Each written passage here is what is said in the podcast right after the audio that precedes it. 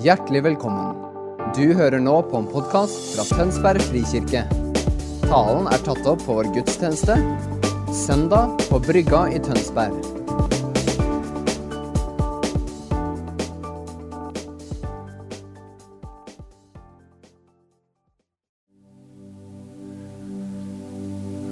I dine øyne er ild.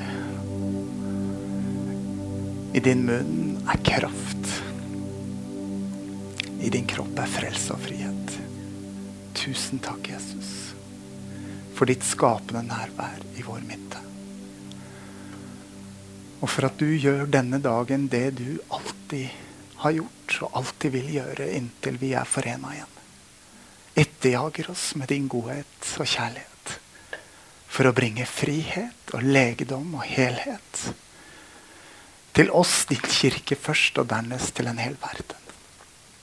Å, kjære Jesus, ha din vei med oss denne morgenen. Herre, salv min tunge og gi meg evne til å bære fram det budskapet du har lagt på mitt hjerte, og salv kirka vår, Jesus.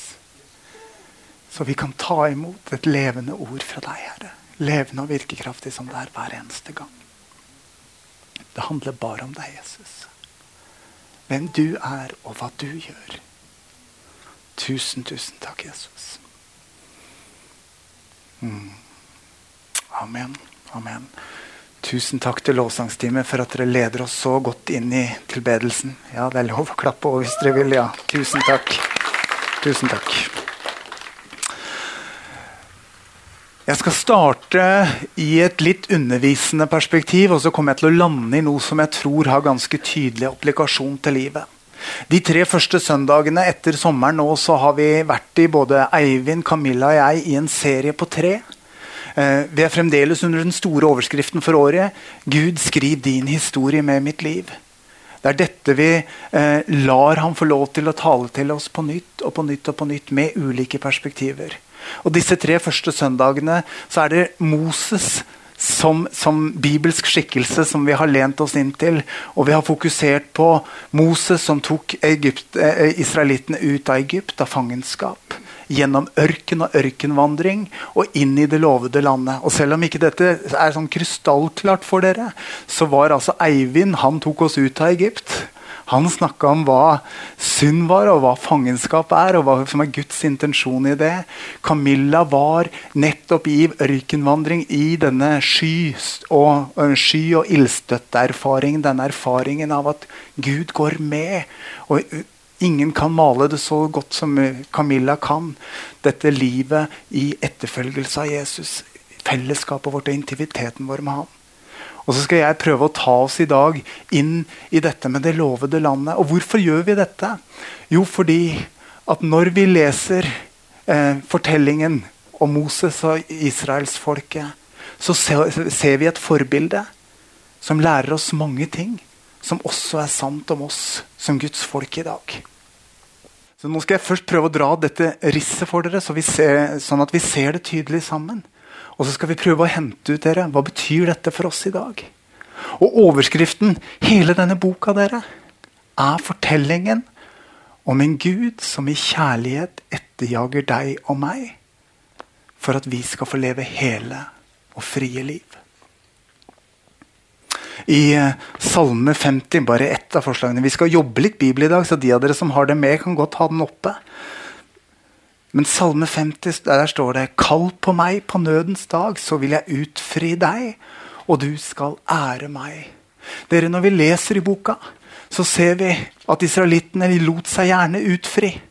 Men de glemte fort å gi han ære. Har dere lagt merke til det når dere leser GT på langs? Neste bilde. Gud etterjaga israelittene med sin godhet. Gud kalte ut Moses. Og Moses, Alle som har, har, hørt litt undervisning, vet at Moses er et gammeltestamentlig forbilde på Jesus og hans gjerning i kirken i dag. Moses var Guds sende, eh, sendebud og redskap for å bringe folk i frihet, akkurat som Jesus er vår redningsmann som bringer frihet til våre liv i dag. Og israelittene var villig med ut. De var villig med gjennom Skivsøen. Ja, villig var det vel ikke, de klagde en god del underveis. så gjorde de ikke. Eh, men de ble nå i hvert fall med. Eh, og så eh, kommer de over Jordan og inn i det lovede landet. Og da skulle en tenke åh, da var de framme. Nå var, nå var vandringa over. Nå begynner det gode. Landet som flyter av melk og honning. Her. Nå skal det bli bra. Men hva skjer, dere? Jo, det skjer som fortsatt skjer. Overalt hvor mennesker er mennesker. Det er at vi velger å ta Guds plass i livet sjøl. Dere, grunnsyna vår er ikke den eller de tingene vi gjør feil fra tid til annen eller stadig vekk. Grunnsynet vår er at vi stadig i bunn og grunn gjennom våre liv sier 'klare selv, helt alene'. Jeg vet best, og jeg går min vei. Det er helt fra første ark i Bibelen og gjennom hele fortellingen. Og frelsen og utfrielsen er først og fremst å bli fri fra min egen hang til selv å ha kontrollen. Sånn at Jesus kan få ha den i mitt liv. Er dere med? Bli med meg til um, Og, og jeg, skal, jeg, skal, tydeliggjøre dette for dere. Uh, disse tre stegene her sånn. Uh, dette er en politisk virkelighet for israelsfolket. En territorial virkelighet for israelsfolket. Men alle disse tingene representerer åndelige realiteter i vårt liv i dag som kristne. Og det skal jeg tydeliggjøre for oss. For hva skjer når israelittene kommer inn i det lovede landet? Ja, det går ikke så lenge. Um, og, og, og, Jeg må ta det her først. Se hva, se hva Moses sier til dem. Eller bli med meg til, til eh, femte Mosebok. Guds advarsel mot å glemme ham. Dette her er kommunisert gjennom Moses. Rett før de skal inn i det lovede landet, så sier Så hører vi følgende. Vokt deg, så ikke du glemmer Herren din Gud og forsømmer å holde budene, lovene og forskriftene hans som jeg pålegger deg i dag. Når du spiser og blir mett, når du bygger fine hus og bosetter deg i dem, når storfe og småfe øker i tall og du får mengder av gull og sølv og hele eiendommen din vokser, vokt deg da så ikke du blir hovmod og glemmer Herren din Gud, han som førte deg ut av Egypt, ut av slavehuset. Han leda deg gjennom den store, uhyggelige ørkenen med giftslanger og skorpioner til et land uten, eh, til et tørstende land uten vann. Han lot vannet strømme for deg i harde fjell og han lot deg spise manna i ørkenen, en mat dine fedre aldri hadde kjent til. Alt dette gjorde han for å ydmyke deg og prøve deg, og så gjøre vel mot deg til slutt. Du kan si i ditt hjerte det er min egen kraft og min sterke hånd som har skaffet meg denne rikdommen. Men husk Herren din Gud, for det er Han som gir deg kraft til å vinne rikdom. Slik vil han stå ved pakten som han inngikk med dine fedre. Slik han gjør også i dag. Slik gjør han også i dag. Men om du glemmer Herren din Gud og følger andre guder, dyrker dem og tilber dem, skal dere gå til grunne. Det er mitt vitnemål til dere i dag. Som de folkeslagene Herren utsletter, utsletter for dere, skal dere selv bli utsletta fordi dere ikke ville lytte til Herren, deres Guds røst. Det er, det er jo Når vi kjenner hele fortellingen, så er det jo akkurat sånn det går. Er dere med? De fikk lov til å komme inn. De fikk lov til å bo i hus de ikke hadde selv hadde bygd. De fikk lov til å erfare all velstanden.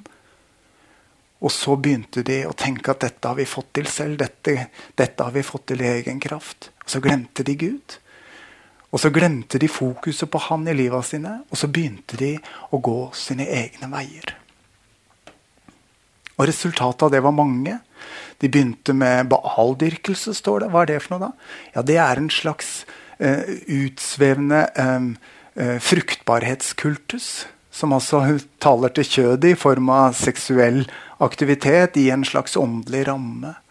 Og en av de verste tingene som, som står om eh, dem i Det gamle testamentet i denne tida, det er at de lot barna sine gå i ilden. altså De begynte med menneskeofring. Og så kan vi tenke Hvor dumme går an å bli? Her hadde de fått alt av Gud. Og så går det bare en generasjon. Når den generasjonen som har vært med på ørkenvandringa, er borte, og de som husker de som husket ørkenvandringa, er borte, for det er det det handler om. Når øyenvitnene var borte, så glemte vi Gud, og så tok vi for gitt at Og så var mennesket på tronen i egne liv på nytt igjen. Og så ble det vi selv ville, og det vi selv ønska, viktigere enn hva Gud sa, og hva Gud hadde minna om. Og på mange måter, dere, så ser vi Gud er den samme. Gud er Gud som etterjager oss med sin godhet for å føre oss ut i frihet. Men det hjelper oss ingenting hvis vi velger å sette oss selv på tronen og gå vår egen vei. For da leder vi oss selv direkte ut i fangenskap på nytt. Det var ikke så stor forskjell på fangenskap i Egypt og fangenskap i Babylon. Er vi ikke enige om det? Det var ikke så stor forskjell på fangenskapet i Egypt og forfallet i det lovede landet. Hvor tempelet var bygga, og hvor alt skulle være vakkert, og hvor ressursene var. Og det vi ser hele veien, er folket er beskytta så lenge gudstjenesten, eller Gud, får lov til å være Gud i menneskers liv. I det øyeblikket Gud ikke lenger er Gud i menneskers liv, så kommer de polit og da er vi igjen i Gammeltestamentet. De politiske truslene får overtaket og vinner terreng. Er dette relativt tydelig som et gammeltestamentlig bilde for oss? Henger dere med? Ok, Så overfører vi dette til livet vårt. Hva representerer dette i vår hverdag? På mange måter går det an å si dere at vi som lever i Norge, vi lever på alle mulige måter i et løftesland i utgangspunktet. Vi har alt vi trenger. Vi har et land som flyter av melk og honning. Men som, eh, som Camilla eh, malte fram, så er det Guds invitasjon til oss i denne tida. Og vi kommer ikke forbi det, dere. At han inviterer oss til nærhet med seg. Til å søke hans ansikt. Til å bruke tid i hans ord og i hans nærvær Sånn at han skal få lov til å fortsette å gjøre det han gjerne vil. Nemlig å sette oss fri på alle områder i livet til å leve det livet han har kalt oss til å leve. Men hvis vi går vår egen vei, så blir det som var ment som velsignelse, blir til begrensning og til fangenskap. Dere, la oss se på vårt eget liv et lite øyeblikk vi er enige om at selv de som har middelmådig med penger, er vanvittig rike i en, i en verdenssammenheng. Ikke sant? Sånn at vi har vunnet i Lotto alle sammen simpelthen fordi vi har norsk personnummer. Rikdom er en velsignelse. Gud ønsker å velsigne oss. Men hvis ikke Jesus får være herre over din og min økonomi, så blir pengene dine en binding og et hinder for deg. Og meg og dere. Her preker jeg like mye til meg selv som til dere. Dere har hørt meg forsake eh, både bruktbilimport og campingimport. Dette har jeg preka om før, så jeg skal ikke dra den fortellinga en gang til. Hvorfor? For jeg skjønner penger. Jeg, dere. jeg skjønner dette med handel og vandel. Men når det ikke var underlagt Herren, så var det galt for meg. Og hver og en av dere må kjenne. Hva er det i mitt liv som, som jeg holder fast i? Som jeg ikke har underlagt Herren? For hvis det ikke er underlagt Herren, så har det potensial i seg til å binde meg istedenfor å velsigne meg. Og dere, Jeg skulle ønske som pastor at jeg kunne stå her og bare forkynne ordets melk til dere, men jeg kan ikke. Jeg kan ikke. Fordi at Gud gir meg, akkurat som Paulus sier, å gi dere, og jeg tror at vi som menighet tåler det. Å både ha ordets melk, nemlig vissheten om at nåden gjelder. At det fins ingen fordømmelse for oss som er i Kristus Jesus. At alt han gjør i våre liv, er ut av nåde. Og det er han som gjør det, og vi kan ikke gjøre noe annet enn å respondere. Dette er ordets melk, og det er sant. Det er sant. Men hvis vi bare tar imot det, så går vi glipp av den faste føden i ordet. Som er vår invitasjon til et gjensvar på Guds nåde. Som gjør at vi kommer ut i det landskapet som han vil. Hvor ikke lenger evangeliet og nåden bare er et godt budskap til meg som jeg skal få ta imot, men jeg får lov til å bli det gode budskapet som sendes ut til en verden. Fordi at Jesus får lov til å ta bolig i og forme mitt liv. Sånn at mitt liv og mine prioriteringer og mine valg blir evangeliet. Inkarnasjonen skjer på nytt. Jesus tar bolig i åndsfylte, kjærlighetsfylte Jesus-etterfølgere som ligner på han, sånn at evangeliet fortsatt går fram i denne verden. Er dere med? Så derfor, når jeg forkynner dere ordets faste føde, høre og gjøre om du vil, så er det for at dere skal respondere på det Jesus sier i deres liv. Og når jeg taler, og når vi som stiller oss opp her oppe og taler Så ikke vær så opptatt av hvem vi er, og hvordan vi velger ord. Men lytt med deres hjerte, med deres ånd, til hva er det du, Gud, sier gjennom dette budskapet til mitt liv? For uansett um, hva som er våre velsignelser, dere Hvis ikke Jesus får førsteplassen i livet vårt, hvis ikke han får være herre på alle områder i livet vårt, så vil altså alle de tingene som egentlig er velsignelser, bli mulige begrensninger og bindinger. Og Jesus ønsker frihet for ditt og mitt liv. Til frihet har Kristus frigjort oss, sier Galaterne 5.1. Jeg har det på sliden også. Vi kan ta det opp.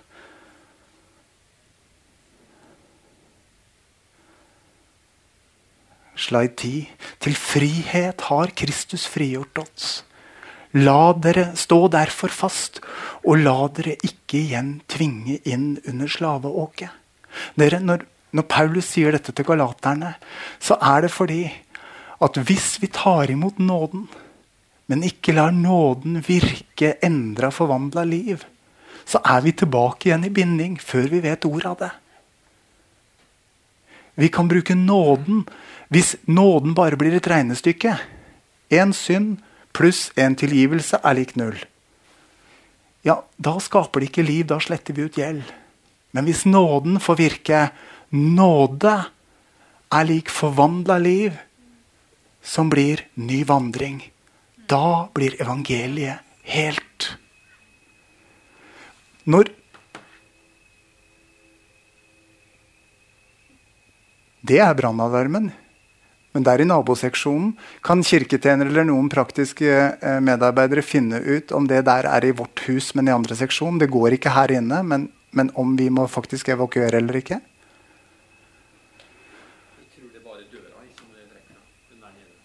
Lukker du den bare? Ja. Hm. Ok. Kysten kjente jeg igjen. Den passerer meg hver dag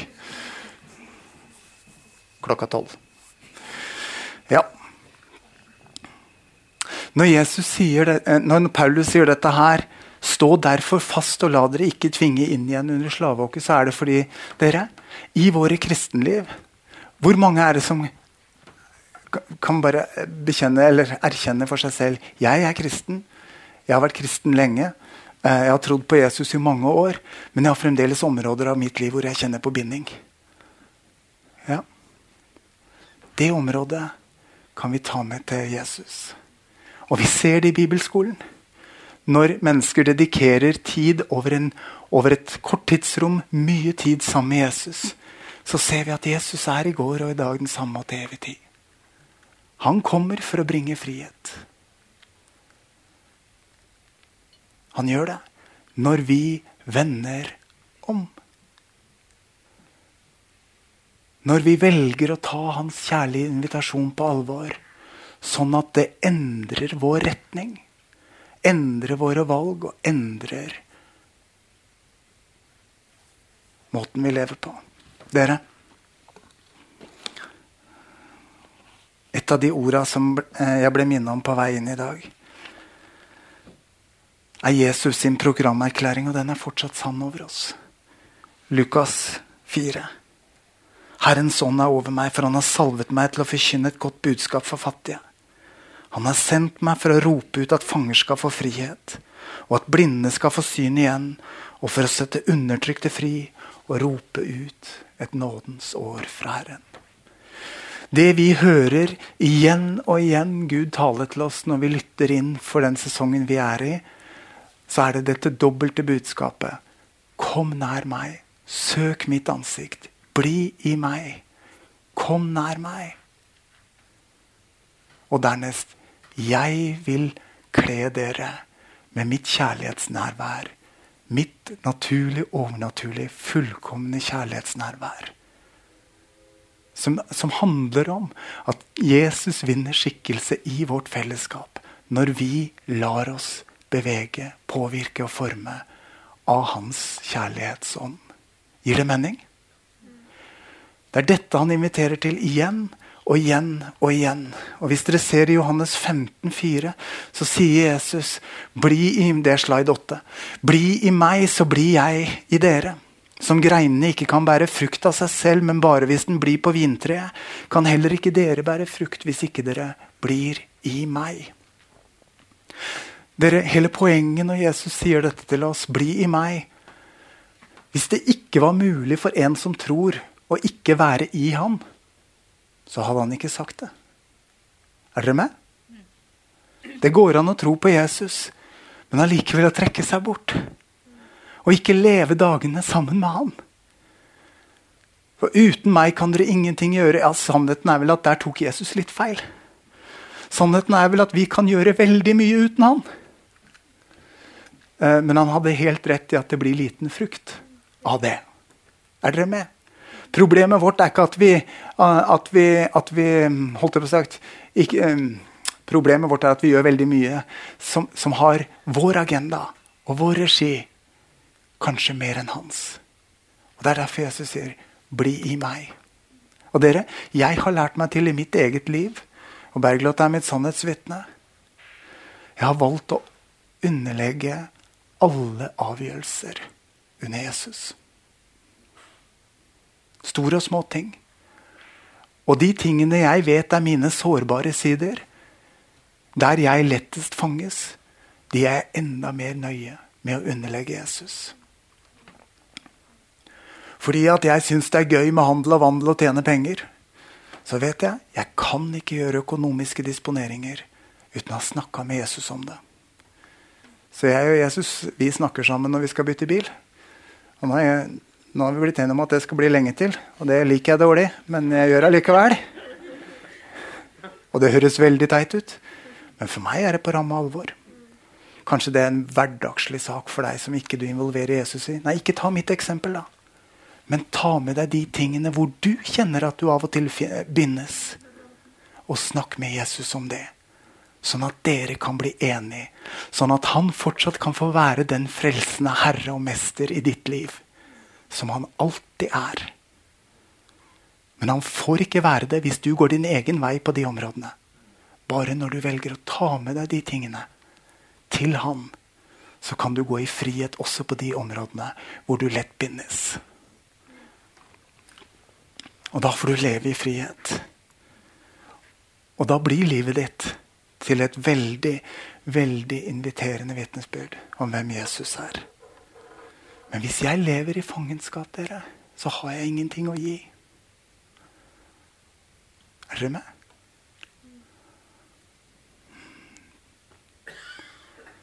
Hmm.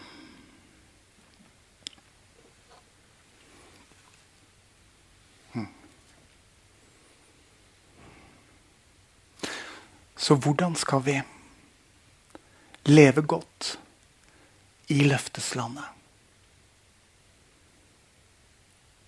For det lovede landet er et bilde på Gudsrikets virkelighet midt i vår tid. Det lovede landet for israelittene er det samme som kirkens tid, som vi lever i. Farene er de samme som den gang, og løftene er de samme som den gang. Og enda mer fordi vi har fått Den hellige ånd på innsida. Jesus har tatt bolig i oss.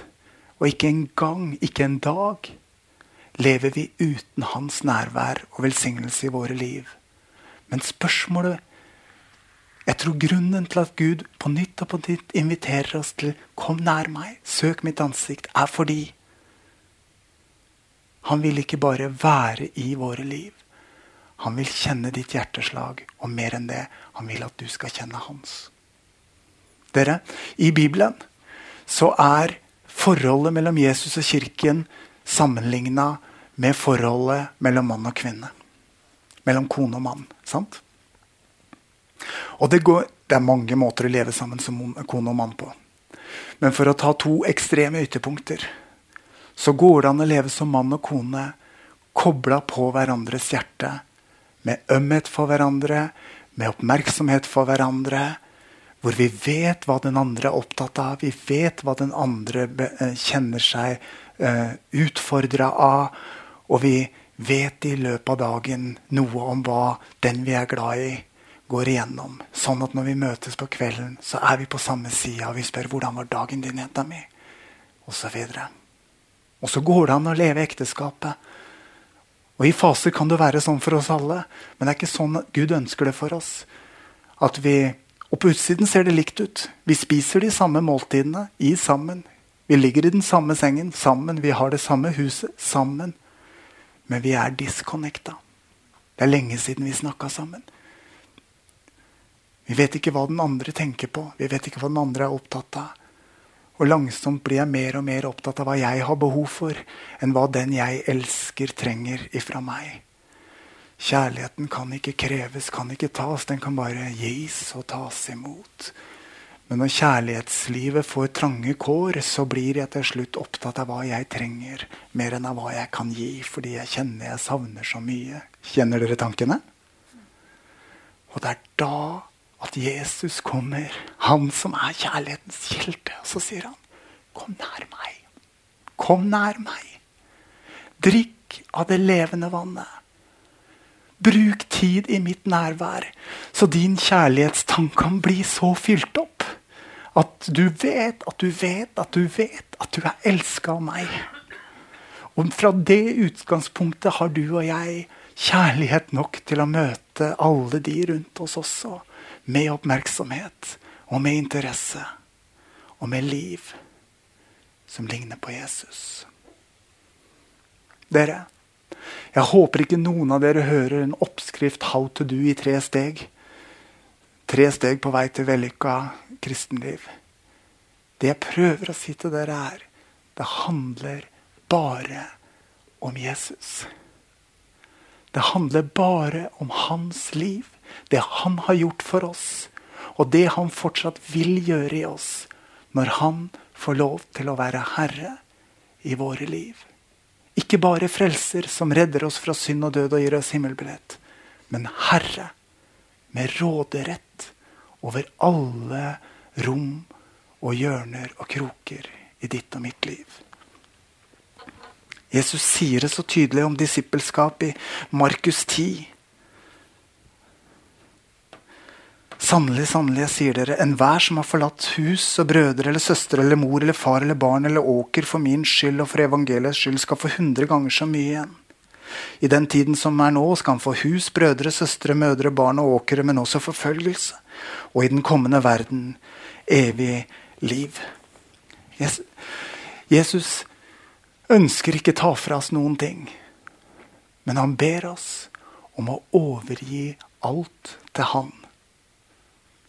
Og så sier ordet Det er et løfte der. Når vi overgir alt til Han, så får vi det tilbake med hundrefold av velsignelse. Dere, Da lever vi i løfteslandet. Da er alt det du og jeg har i våre liv, plutselig til velsignelse istedenfor mulig til fall. Fordi det er underlagt Jesu herredømme. Sånn at hvis Herren sier 'gi', og du kjenner i hjertet det, så ser ikke du på kontoen og spør om du har råd. Men du gir fordi at Jesus er herre i ditt liv. Hvis Herren sier til deg 'invester', bygg opp rikdom, bygg opp kapital, For hva enn grunn, så gir du ikke, men du bygger opp kapital. Fordi Herren har sagt det. Nå tok jeg bare to ekstre, eh, motsatser på samme temaområde. Bare for å si det er ikke en fasit her. Det er ikke en oppskrift, dere. Det er du og Jesus. Ikke se på meg. Jeg vil ikke fortelle deg hva du skal gjøre. Ikke spør Eldsterådet heller. Men spør Jesus. Dere, hvis vi bare har tid og råd til oss sjøl og våre egne, så er vi de fattigste i verden. Men Jesus har gitt, gjort oss rike på alt.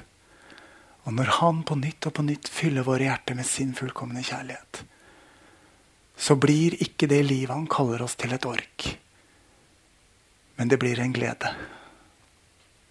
Ikke et strev, men noe som kommer helt av seg selv. For Guds rike spirer nemlig fram av seg selv. God frukt. Bli i meg.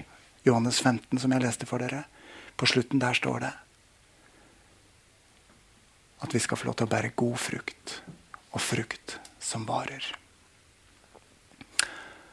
Ordet som vi hadde som åpningsord, er 'der skal jeg lande'. Um, andre krøniker 7,14 er nettopp et sånt ord. Som kom I kontekst deres så står det ordet rett etter at Salomo har innvia tempelet, og Herrens herlighet har fylt det. Og hele Israel står i bønn og tilbedelse. Hvis vi skal bruke et litt sånn samtidseksempel, så ville det betydd at det er fullt hus, og Guds nærvær er her, og alle går hjem etter søndagsmøtet og sier 'takk Gud for et herlig møte'. Altså, De er på toppen. Skjønner du hva jeg mener? Og så kommer dette ordet. Om at hvis de går sin egen vei og glemmer meg Men hvis de da vender om fra sin onde vei Hva er den onde veien? Ja, det var ikke alle de tinga de gjorde, men det var å gå sin egen vei. Den onde veien er ikke det du gjør galt. Det er når du går din egen vei uten ham. Men hvis vi vender om, så er løftet og invitasjonen ifra Jesus Da vil jeg tilgi deg syndene. Og så vil jeg lege landet. Dere, som kirke så skal vi ikke reise en pekefinger mot samfunnet og fortelle om alt som er rett og galt. Vi er Guds redskap og Guds svar til denne verden. Vi har ikke et kall til å være verdens moralske vokter. Men vi har en invitasjon fra Jesus til å leve i helhet, sannhet og rettferd og kjærlighet på en sånn måte at våre liv blir en invitasjon ifra himmelen til mennesker som på mange måter lever bundet, ufridd og vanskelig. Men de som lever sånn, trenger vår kjærlighet. En kjærlighet som er langt mer enn Morten har i seg selv. Men han jeg lever for, har mer enn nok. Og det erfarer jeg fra dag til dag i min tjeneste. Og det er min bønn at du skal få lov til å erfare det fra dag til dag. I din familie og blant dine kolleger og alle de relasjonene du har. Og særlig de som er vanskelige du får kjærlighet og nåde nok til å være en invitasjon ifra himmelen til de du møter.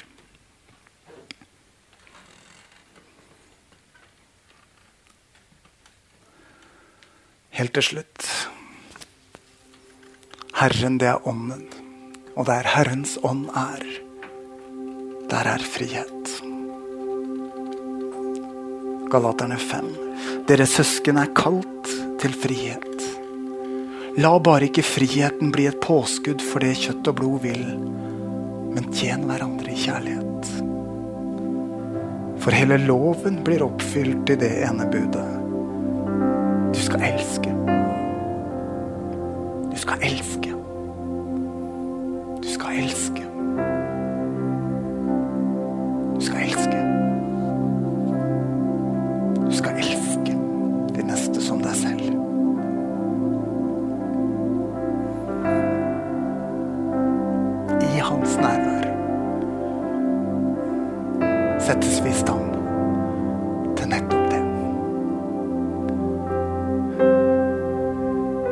Avslutninga kan du tenke Hvilke rytmer og strukturer har jeg i mitt liv for fellesskapet mitt med Jesus som sikrer at jeg får ta imot kjærlighet først? Erfare nåden først. Så bli så fylt opp av den at mitt liv blir en invitasjon til de jeg møter fra en kjærlig pappa. Mange av dere har levd lenge nok til å være i loviske sammenhenger med mye krav, hvor alle de gode rutinene bar plikten i seg. Både tjeneste var en plikt, og hviledag var en plikt. og Daglig bibellesning var en plikt, og bønnen ble et strev. Men alle de tingene er gode ting. Hvis de ble til fangenskap, så var det nødvendig for mange av dere å legge de bort. Men i denne tida tror jeg Gud vil, med et nytt, friskt åndspust, invitere oss til å hegne om og ta i eie igjen noen av disse rammene som sikrer at livet mellom han og deg får lov til å flyte. Om 14 dager skal Kristoffer få lov til å tale eh, om eh, en av de rytmene som deres familie har fått lov til å innta på nytt i koronatid, nemlig sabbat og hviledag. Gled dere til 13. og høre Kristoffer der for vitnesbyrdet om hva livet med Jesus har fått lov til å bli i en sånn ramme, er helt nydelig.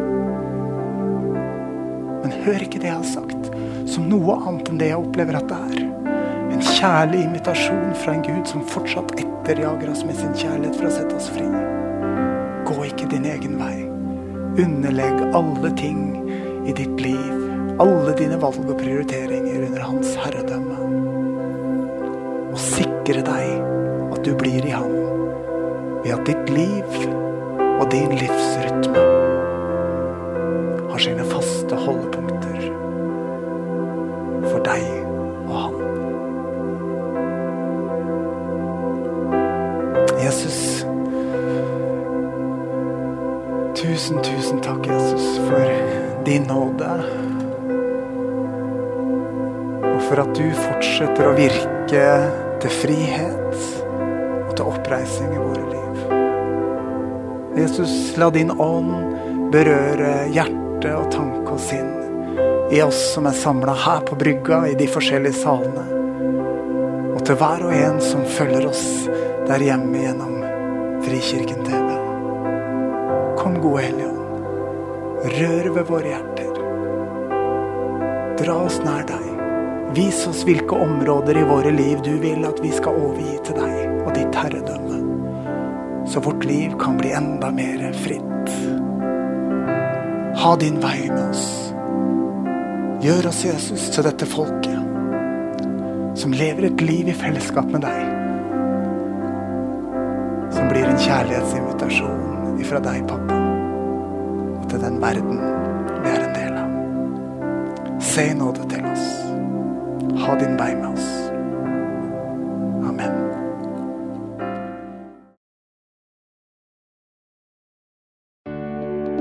Takk for at du hørte på vår podkast.